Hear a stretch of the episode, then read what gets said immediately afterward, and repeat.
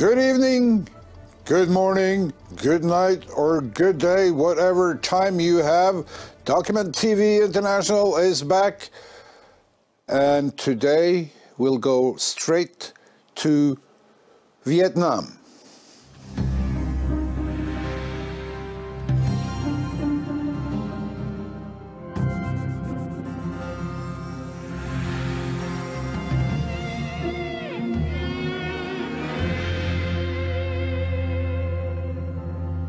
Denne uka skal Lund-kommisjonens rapport legges frem i Stortinget. Kveldens historie står ikke i rapporten. Det er en historie om nordmenn som ble rekruttert av CIA til hemmelig tjeneste i Vietnam. Og mannen som verva dem, var Norges mest kjente spion.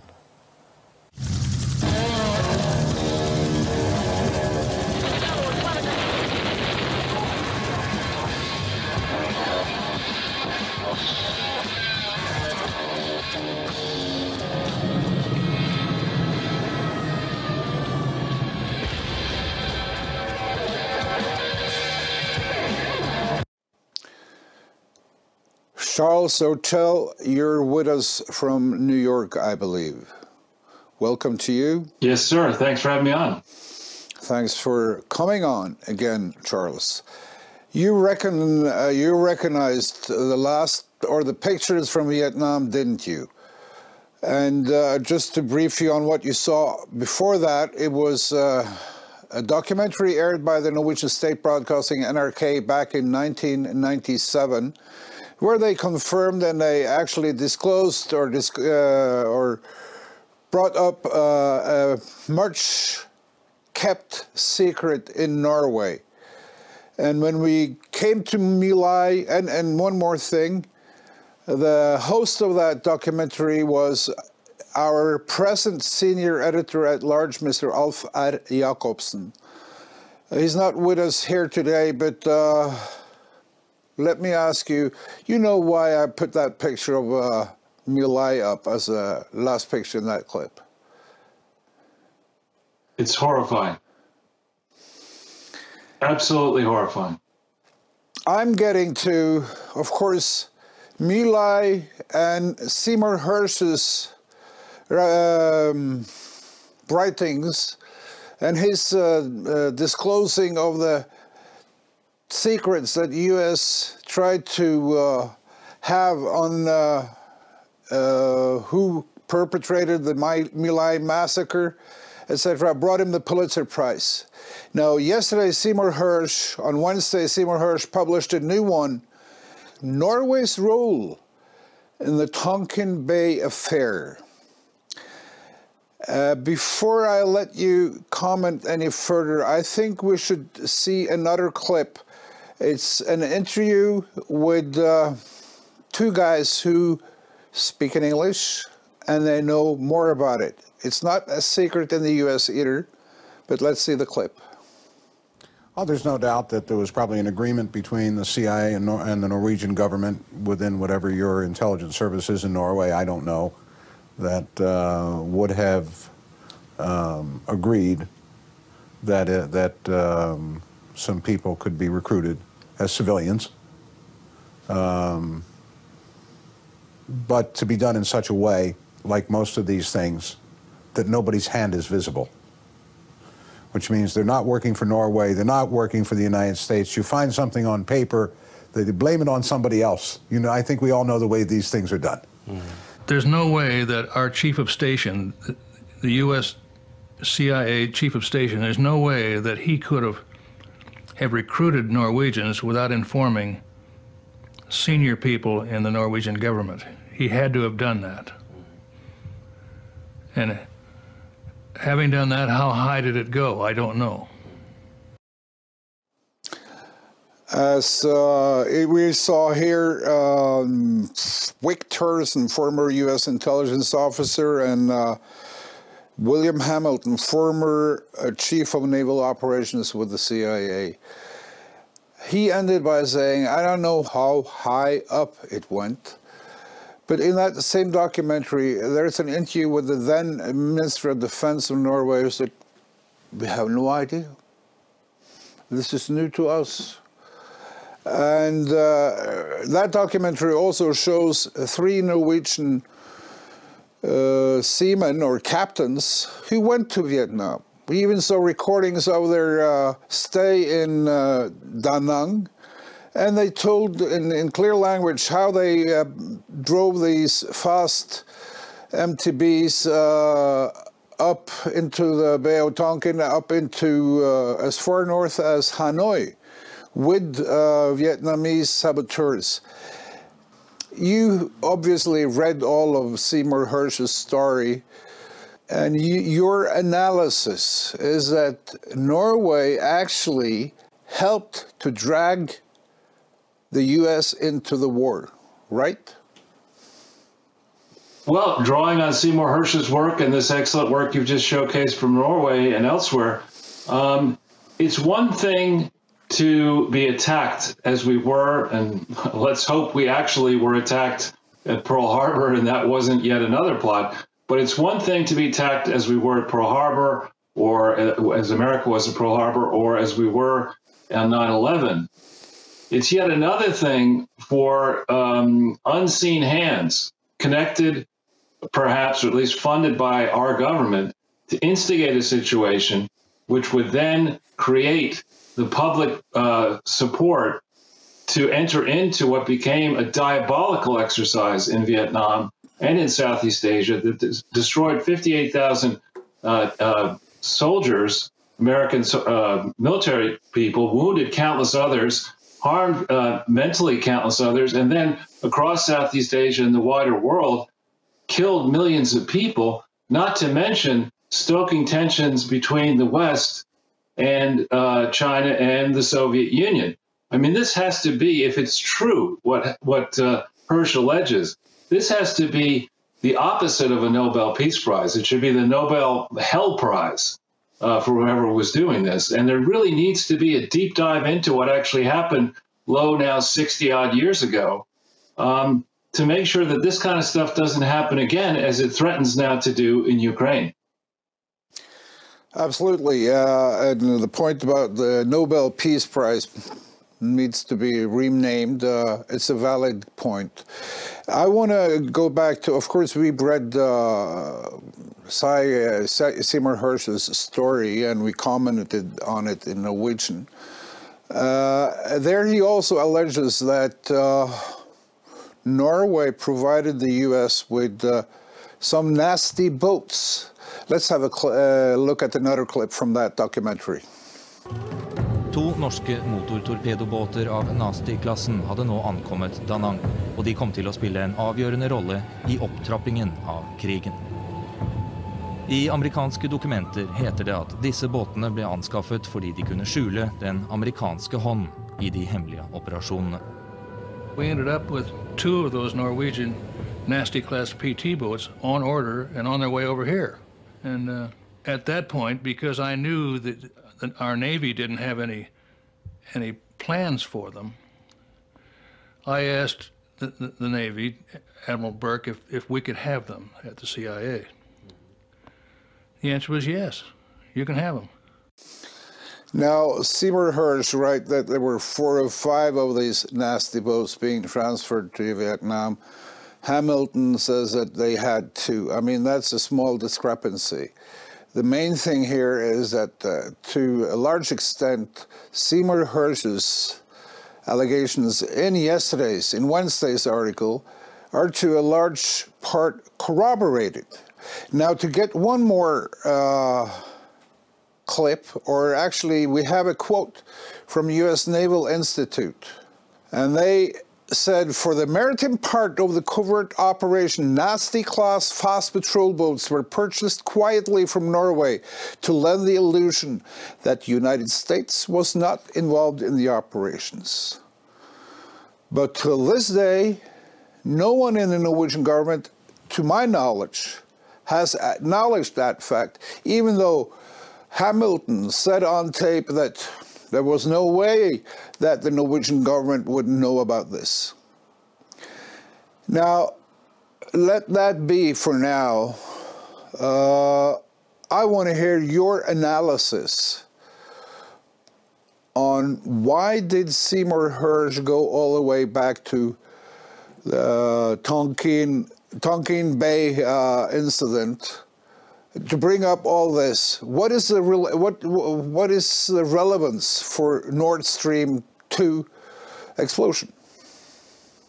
That's an excellent question, Gar. I, I think uh, I certainly have been living under the misapprehension that the United States government military operations are primarily defensive in nature. And we call the, sec- the Department of Defense Department of Defense. We don't call it the Department of Instigating Wars. But when you go back into history and you think about this incident in 1964, remembering that it occurred less than a year after Kennedy had been assassinated, a year and change after the Bay of Pigs, uh, three years or so after um, President outgoing Major uh, Five Star General Dwight D. Eisenhower and President said, "Beware the military-industrial complex." I think what Hersh is trying to get us to do with his uh, experience of the long sweep of history is to go back into time and reconsider now that we have access to lots of in- new information that is no longer classified, go over all these different incidents. And before we leap into the abyss in Ukraine, I think we need to ask ourselves, responsible people, forget your political persuasion, need to ask ourselves um, is the Ukrainian exercise uh, involving NATO, is it a defensive exercise? Or can it legitimately be seen as an offensive exercise destined perhaps to provoke a wider war than has happened in Southeast Asia and Vietnam? These are all fair questions coming from a man who doesn't see himself as political, but certainly has had his um, fingers into many past uh, complex uh, uh, incidents. And he's been proven right time after time after time. I think what he's asking us to do is to hold our breath here before we put our finger on the World War III button. Uh, I agree. Uh, now, isn't it funny how you in the US, and not only in the US, I mean, we had an anti war movement in Norway too. I was a kid at the time. 72, I was uh, barely a teenager. But I can still remember the anti war demonstrations uh, that I watched on the news. And now, at least here, there's hardly any anti war movement. It's the opposite. They're all putting more coal on the fire. Yeah, more weapons, pour more gas on the fire. What happened to your anti war movement? Is there an anti war movement in the US today? Or one more question those who were against the Vietnam War, are they still against wars? Well, I think what is ha- what ha- started as an anti-war movement in the 60s and 70s has become a pro-war on on concepts. So we have a war on poverty, we have a war on inequality, we have a war on um, health, we have a war on uh, on um, now on uh, against uh, Putin and autocracy.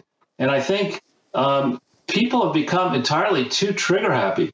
Right now, the war in Ukraine for, for the West is a proxy war.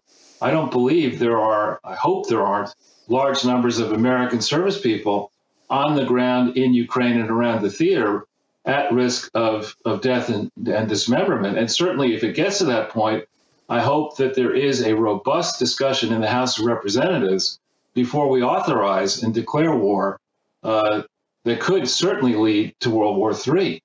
But you're absolutely right. I mean, Bernie Sanders, the Clintons, and Bill Clinton and Hillary Clinton were written up as students for their roles, uh, you know, with laudatory ways for their roles protesting the Vietnam War. I believe when Bill was a Rhodes Scholar, he spent a lot of time away from Oxford in and around the UK and in Europe, and even went over, I believe, to the Czech Republic and Soviet Union. And he and John Kerry and others were passionately against war then.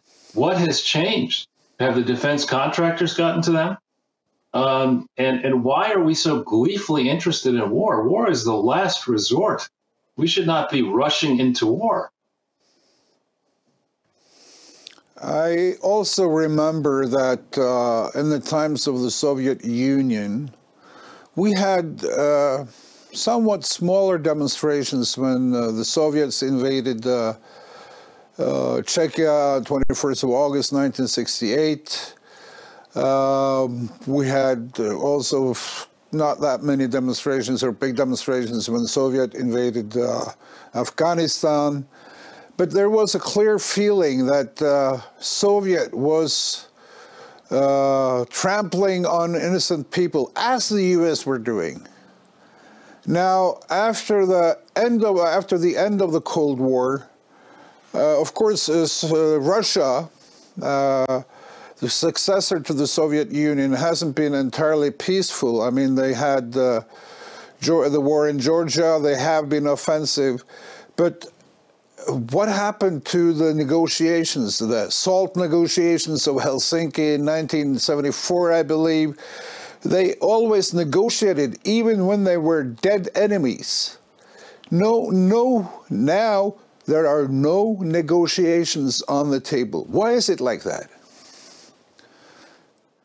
It's almost as if unseen forces are hurtling Russia and its allies into conflict with the United States. Now, so far, there are rumors that China may pr- provide lethal aid to Russia, but so far, China is outside this direct conflict between this looming conflict between Russia and and uh, NATO. Uh, that will, I think, if it progresses, or I should say, declines, uh, the way it seems to be, uh, is is there will be no clear winner, and there will be many losers. We look at the situation on the ground, such as we may know about it. It seems that many key cities in Ukraine are already not Kiev, but many others are grievously damaged. There are millions of people have fled Ukraine. Who knows how the agricultural um, industry is going to function this growing season in Ukraine, and to what cost around the world? And, um, you know, we all seem to be just rushing towards this. Um, the defense contractors, I suppose they're happy. And many of these are principally based in the United States. They're providing all these weapon systems. But uh, the blowback here, and you mentioned Georgia and um, I forget the other one you mentioned involving Russia. But let's think about how America has destabilized Iran, how Jimmy Carter destabilized Iran, for example. I'm not saying I'm pro Shah, but are, how much better are the people in Iran um, 44 years later than they were under the Shah now? And what about Iraq? You mentioned Afghanistan. Um, what about Libya? The, the largest open air slave market in the world, I believe, is in Benghazi. We're talking about climate change being a disaster. Isn't slavery a, what, horrible? And isn't that something that most humane people around the world could say that we should be stamping that out? And yet, what we did, the Allies did, and there, sadly, Norway and the U.S. played an important or tragic roles. What happened in Libya? I mean, there are disaster after disaster in our foreign policy ventures. And while I understand perhaps Europeans engaged in that sort of activity, what I don't understand is why the United States, with open borders, would feel today in 2023 that we have a strong track track record engaging in um, in these types of misadventures. I think we don't. We have an F, a straight F report card, frankly, other than perhaps our role in World War II and, and liberating Kuwait and Grenada, which was not exactly difficult. Um, so th- this should be a time for reflection and introspection, for quest for learning from our mistakes. Instead, we seem poised to compound them. sadly enough, uh, once more, you're right. Uh, now, if we go back to Seymour Hersh's uh, latest article and also the, the first article, the Nord Stream explosion, uh, of course, it's been under a tremendous attack by mainstream media. The last article published Wednesday has not has hardly been mentioned in in uh, Norwegian ma- mainstream media. Has it uh, gained any coverage in the U.S.? Well, it's starting to be because Russia is insisting that the Security Council and the UN uh, examine the evidence. And I think, uh, I believe yesterday there were articles to that effect in the Times, New York Times, and the Washington Post. And I think you're starting to see the English papers and others, uh, certainly the German papers, are, are beginning to look into it. As well, we all should be looking into it. And it, it again, it's disgraceful. Uh, the the byline of the you know the tagline of the New York Times is all the news that's fit to print. Why isn't this fit to print? This is certainly news. And in for the Washington Post, it's democracy dies in darkness, which uh, I think was changed to democracy died in darkness. But um, if, if we had competent investigative journalists who won't, weren't concerned about their parent companies losing access to large rising markets in China and elsewhere, these people would be jumping all should be jumping all over. Is the famed Seymour Hersh smoking dope and making all this stuff up? Or are his claims legitimate, as they certainly seem to be to me? And if they're legitimate, shouldn't that inform our logical choices in making foreign policy, in, in developing foreign policy vis-a-vis Russia, China, and other important nations around the world? I think he's doing an enormous service. I, agree again. Uh, now, as to uh, the UN Security Council, uh, we covered, uh, or actually Tuesday night, they had a meeting uh, at uh, Russia's request where Russia demanded to see the investigation reports made by Sweden, Denmark, and Germany. of course, in the Security Council, according to the media, uh, the three nations said that we've already provided this. Uh, Russia denied that, and Russia now uh, is um, purportedly uh, pushing for a resolution in the UN Security Council. And I watched Norwegian uh, NRK, you know, state media news last night, where they said that there will be at least one veto against such resolution. Yeah, from America, probably. Most likely. Uh, no, you had the saying, uh, I want you to tell me, I mean, sometimes the crime is worse than, no, what is worse than the crime itself? The cover up. That's that's from that was the famous line from Watergate that the cover up's worse than the crime. You know, it's it sure seems to me that what Seymour Hersh is doing here is he's beginning to expose the cover-ups. He's he's focusing on tactics that were used. Those some of those clips highlighted the idea that it's a well-known tactic to have governments employ uh, deniable, plausibly deniable actors to go do the bidding of, let's say, uh, elements within different governments that uh, that could never get approved by regulators and the legislators um, and then march on off hoping that it'll work. And if it doesn't work, nobody pays a price. That seems to be what happened with the Gulf of Tonkin incident. That seems to be what is happening now before our informed and, in theory, highly intelligent and connected eyes with regard to Nord Stream 1 and 2 and uh, what, what is, seems to be going on in the conflict between Russia Ukraine and that could widen any second, frankly, may already be widening as we speak. Uh, one year after the commencement of Russia's special military operation. So, have we learned nothing from history? I think Seymour Hersh is asking us. And it sure seem to me as if the sad answer is yes, we've learned very little from the history of military conflict. I know you've been uh, working with Seymour Hersh uh, previously, and I think you've been in touch with him recently. Uh, we are to expect more articles coming out from him, uh, aren't we? Yes, there's a very novel um, this this Substack platform. I think more and more people are rushing to it. I indeed have also been on Substack, but I haven't found anything yet because I'm I'm waiting to think through the legal ways in which I want to organize myself. But um, the Substack, I think, particularly for people who have been published in the past and are comfortable um, and have access to good editing staff, is is a wonderful thing to break serial stories because uh, instead of having to go around and beg your editor for however many words you want, or, or uh, if you're a freelancer, try to convince somebody to publish you, you go onto Substack, you set the, the time frame in which you want to release information. You can release 500 words or 5,000 words, whatever you want to do.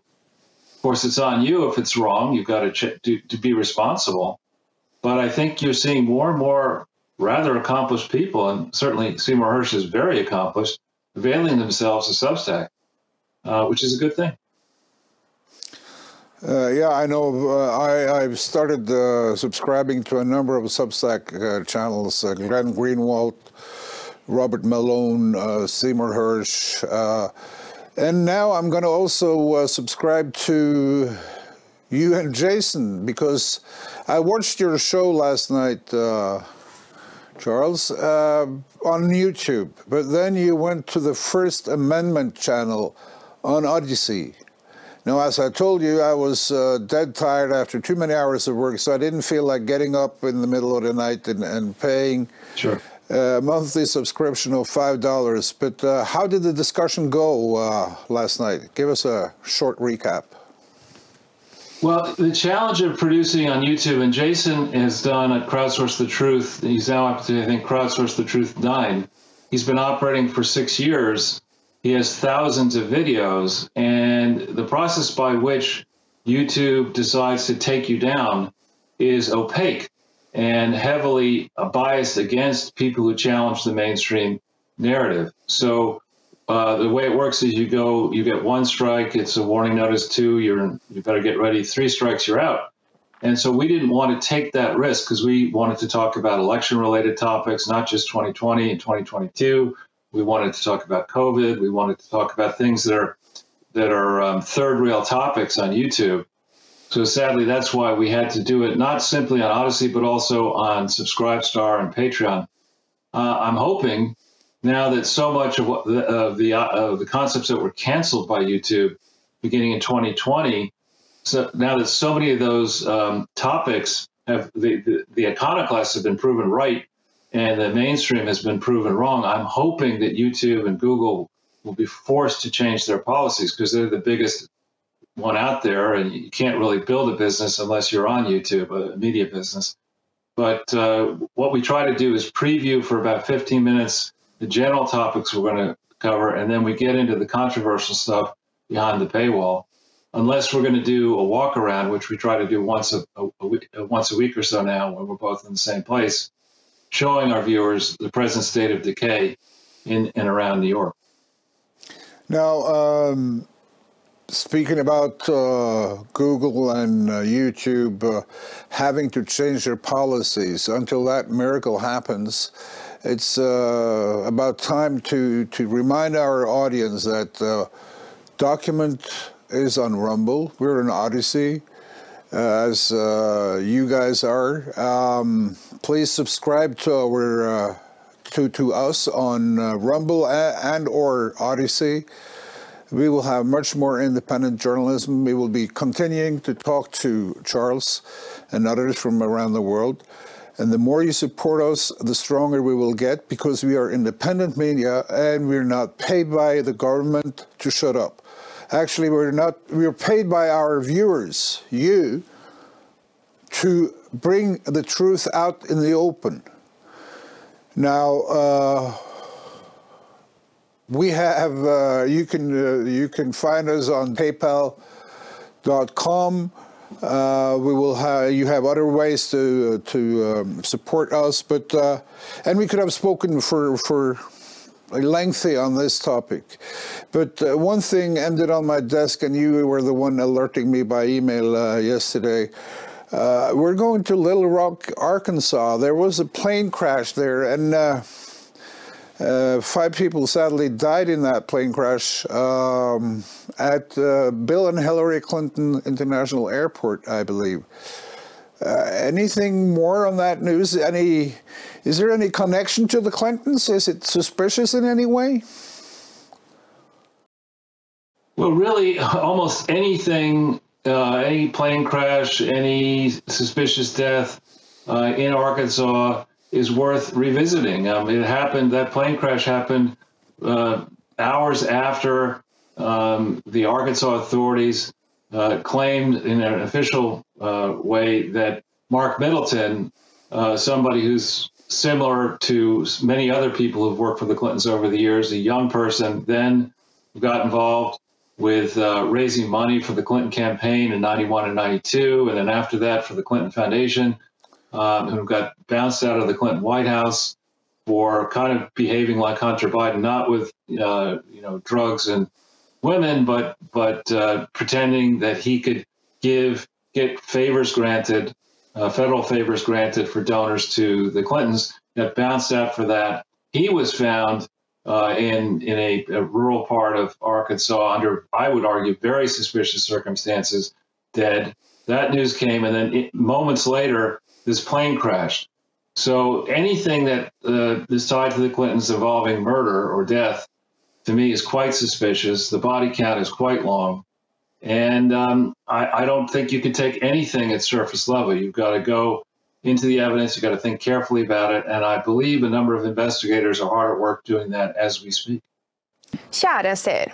Hvis alle 5000 seerne som ser på, vippser 10 kroner, sikrer dere Dokk-TV-budsjettet i en halv måned. Om alle 5000 seerne vippser 20 kroner, sikrer dere Dokk-TV i én måned. Så lenge vi jobber sammen og alle bidrar, om så bare litt, så kommer vi en lang vei. Det hviler på oss, altså på deg og meg, å sørge for at sannheten kommer fram.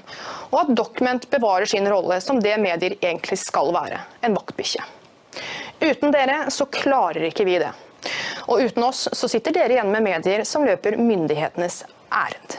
Vips til 638941. 638941. Fordi ditt bidrag gjør en enorm forskjell. You know, Mark Middleton, uh, who you described here, actually, the alleged suicide took place more than a year ago. We wrote about it here at Document, and I'm sure uh, some American media outlets wrote about it too.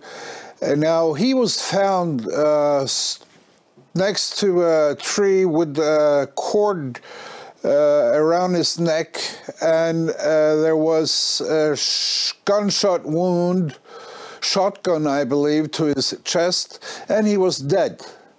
But strangely enough, there was no weapon found. Still, yesterday's report, as you correctly pointed out, was the final official report of, uh, I believe, Little Rock uh, Police Department. Uh, you know, uh, confirmed that it was ruled as a suicide.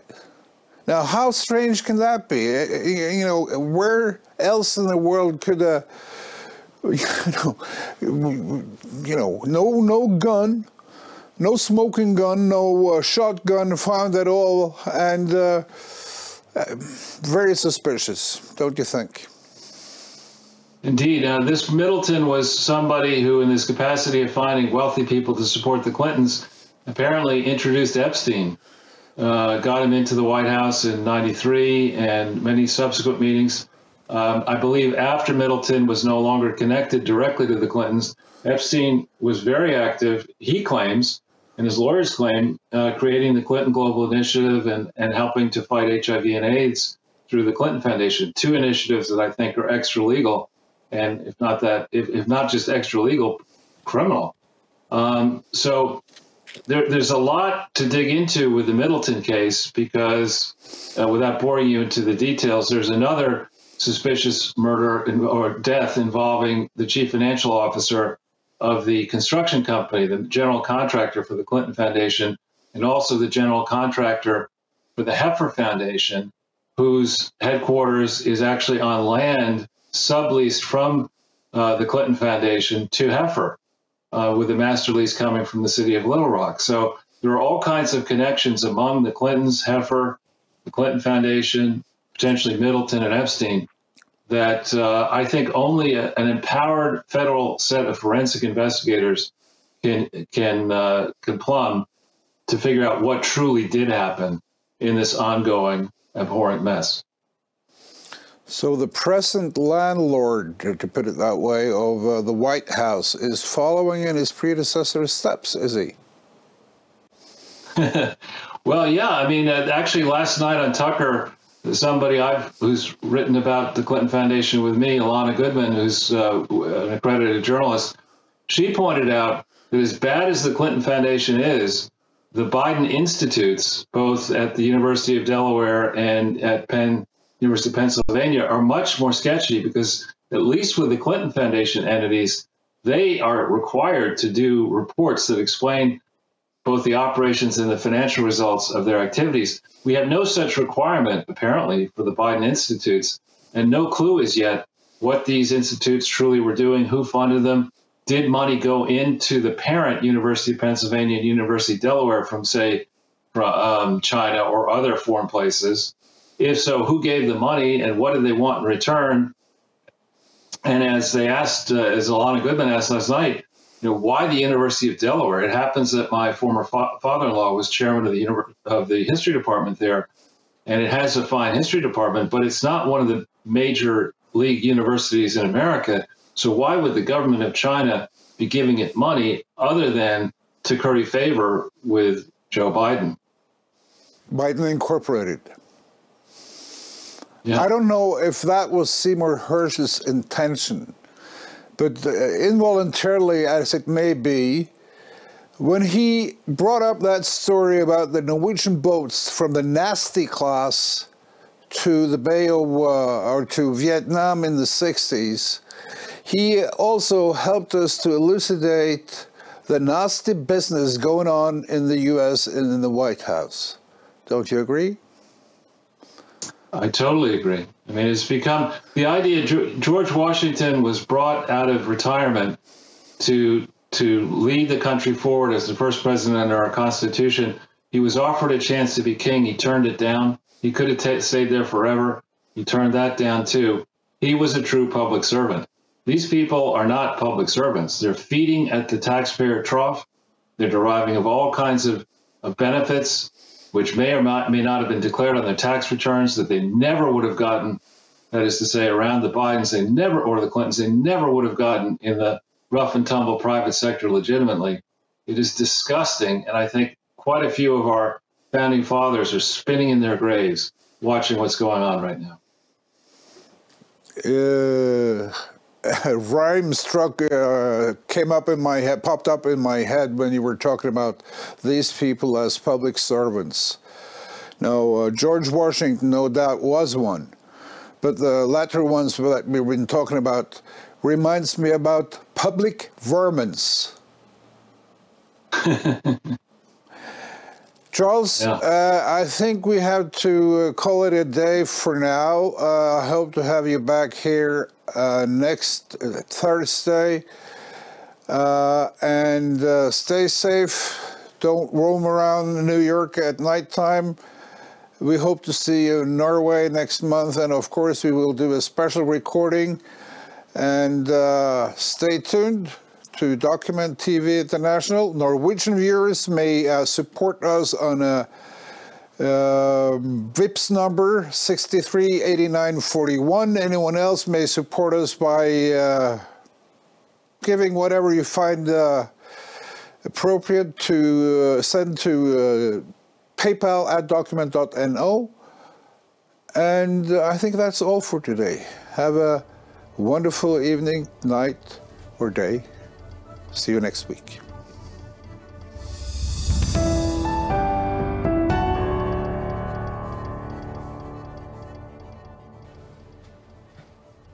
Neimen, hei!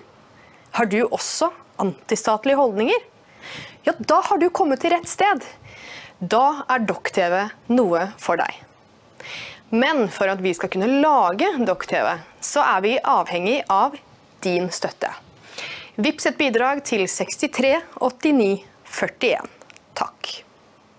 Husk å vips, ellers så kommer klimatrollet og tar deg, og jorden går under.